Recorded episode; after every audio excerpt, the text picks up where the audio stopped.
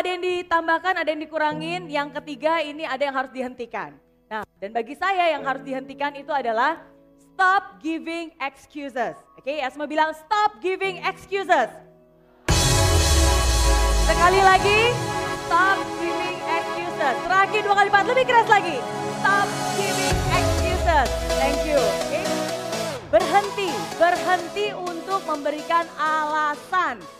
Oke, nah biasanya ini yang terjadi. Kenapa belum sukses? Aduh, saya mah pengen buka bisnis, tapi saya nggak punya modal. Saya pengen sih jualan, tapi saya nggak punya kenalan. Saya pengen sih buka, uh, pengen sih jadi youtuber, tapi kayaknya susah deh. Yang lain youtubernya udah jutaan-jutaan, saya baru mulai satu, mau kapan bisa nyusulnya? Ya, saya mau jadi content creator, tapi saya nggak kreatif dan seterusnya dan seterusnya. Atau yang lebih sering nih, bukan alasan, alasan yang paling sering itu bukan alasan gak jadi, tapi alasan nanti deh, nanti Uh, oke okay, boleh boleh boleh. Saya saya akan buka bisnis tapi nggak sekarang. Kapan? Nanti. Oke okay, okay, saya akan mulai saya akan mulai channel YouTube saya. Tapi nggak hari ini. Kapan? Nanti nanti tunggu beli peralatan dulu. Uh, tunggu punya ide dulu. Tunggu apa? Tunggu punya subscriber dulu ya dan seterusnya dan seterusnya. Oke, okay? not now. Kapan pun di mana pun juga someday, tomorrow, next week, next time. Dan ketika um, sudah dia mendekati uh, ajalnya dan bertanya, aduh kenapa kok hidup saya seperti ini ya. Dan ketika ada orang bertanya, kenapa sih kamu belum sukses juga? Ya bukan salah saya sih, memang nasibnya juga seperti itu. Mungkin ada orang yang ditakdirkan untuk sukses, ada orang yang ditakdirkan tidak sukses. Dan akhirnya menyalahkan semua orang, menyalahkan takdir, bahkan menyalahkan Tuhan. Itulah yang terjadi kalau Anda terus menerus menggunakan alasan-alasan untuk tidak melakukan sesuatu yang harusnya Anda lakukan. Oke, jadi walaupun tidak mudah, tapi jangan sampai ketidakmudahan itu membawa Anda uh, menghentikan Anda untuk tidak mencapai apa yang harusnya bisa Anda capai. Um, ada salah satu, oke, okay, nah jadi ini pilihannya, reasons or result. Oke, okay? Hidup itu adalah pilihan dan satu pilihan bisa mengubah masa depan Anda. Dua choices, either you choose to have reasons or result.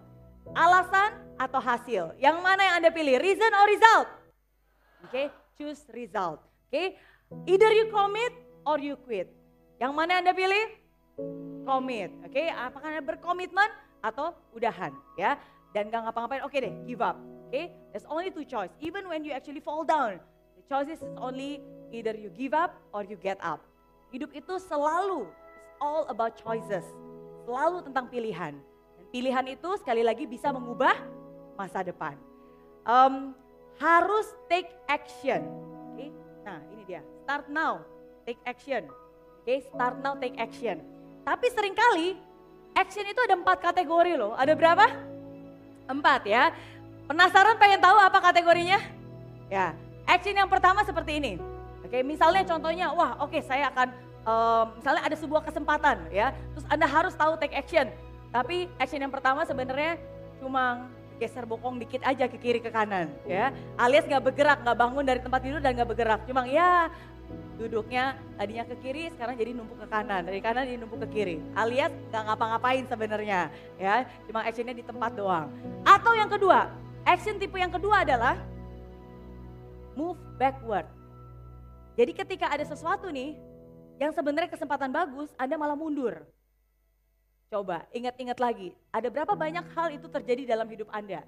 Jadi action juga sih bergerak, tapi bergeraknya bergerak mundur. Tahukah Anda bahwa sebenarnya bergerak mundur, moving backward, is actually cost you more energy than moving forward.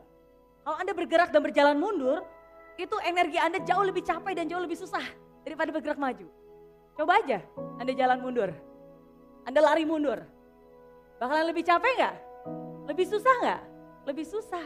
Lebih susah bergerak mundur daripada moving forward. So, action seperti apa? Action tipe yang ketiga adalah action ya, ya biasa-biasa aja. Action yang oke, okay, kalau gitu dia akan bergerak, dia akan mencoba. Oke, okay, dia akan mencoba dan bergerak. Tapi action di sini yang paling penting, yang bisa benar-benar mengubah hidup Anda adalah massive action.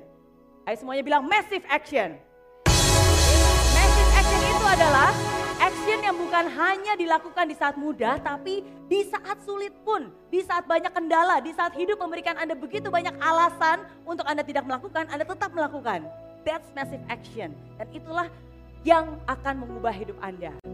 Sekarang pilihannya tergantung. Anda mau yang mana? Mau yang cuma dari duduk, berdiri, duduk lagi, action juga. Atau Anda mundur, atau Anda ya jalan santai, atau Anda bergerak, berlari. Mengejar mimpi-mimpi itu dan mewujudkan mimpi itu menjadi kenyataan.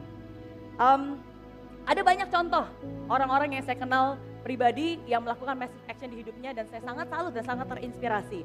Bukan hanya tokoh-tokoh besar, tapi bahkan orang-orang yang mungkin Anda nggak kenal karena mereka bukan public figure. Oke, okay? um, saya masih ingat banget, um, tadi saya bilang acara Inspiration, uh, Inspira Fest ini sebenarnya ini adalah hal yang ketujuh ya. Jadi ini ketujuh kalinya kita mengadakan hal ini, uh, acara seperti ini. Dan saya masih ingat banget di salah satu uh, Inspire uh, Inspira Fest kita uh, sekitar dua tahun yang lalu. Nah biasanya selalu di belakang itu ada sesi foto tanda tangan ya. Jadi biasanya mana nih seperti nah biasanya seperti ini nah jadi biasanya nanti ada kesempatan biasanya saya akan ada di belakang dan uh, biasanya nanti akan ada banyak orang yang pengen foto pengen tanda tangan pengen kerumunin pengen ngobrol pengen curhat oke nah jadi saya masih ingat banget di saat itu oke okay?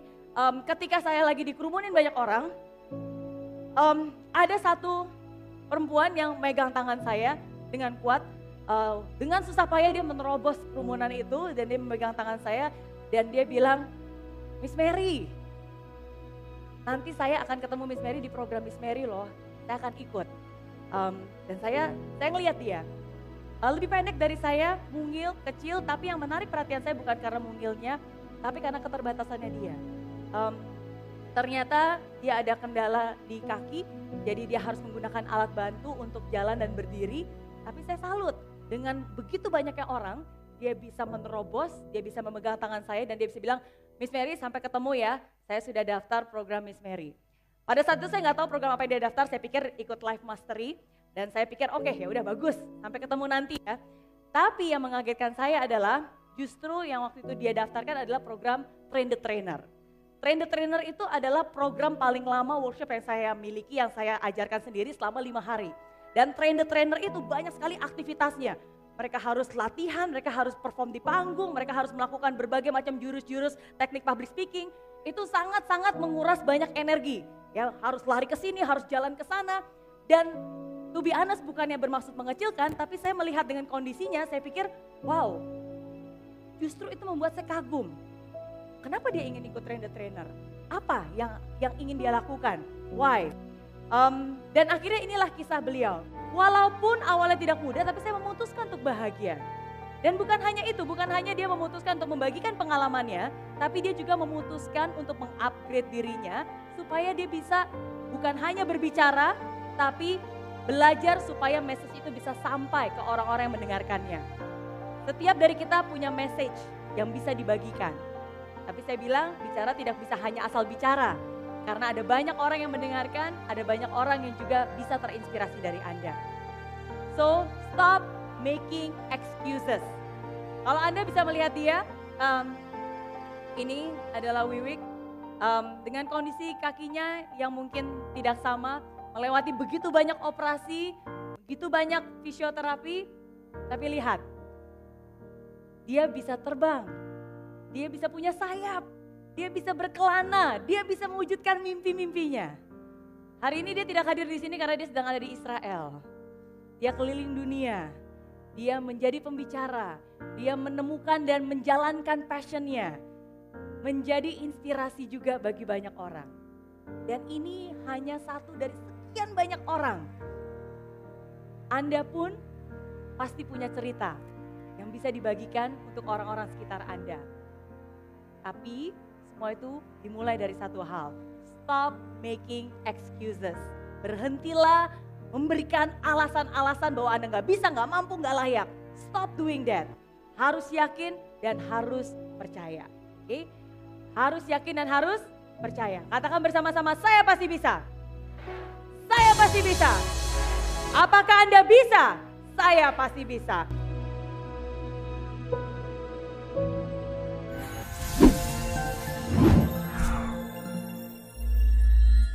Di aplikasi Mary Riana tersedia lengkap video-video YouTube terbaru saya, artikel yang up to date, post inspirasi, koleksi merchandise, workshop dan seminar yang bisa kamu dapatkan free dan download sekarang juga gratis.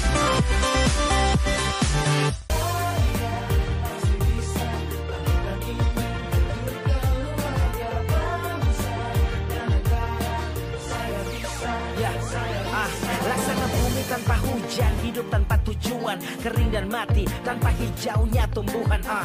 Demikian kalau mimpi tak kunjung terjadi.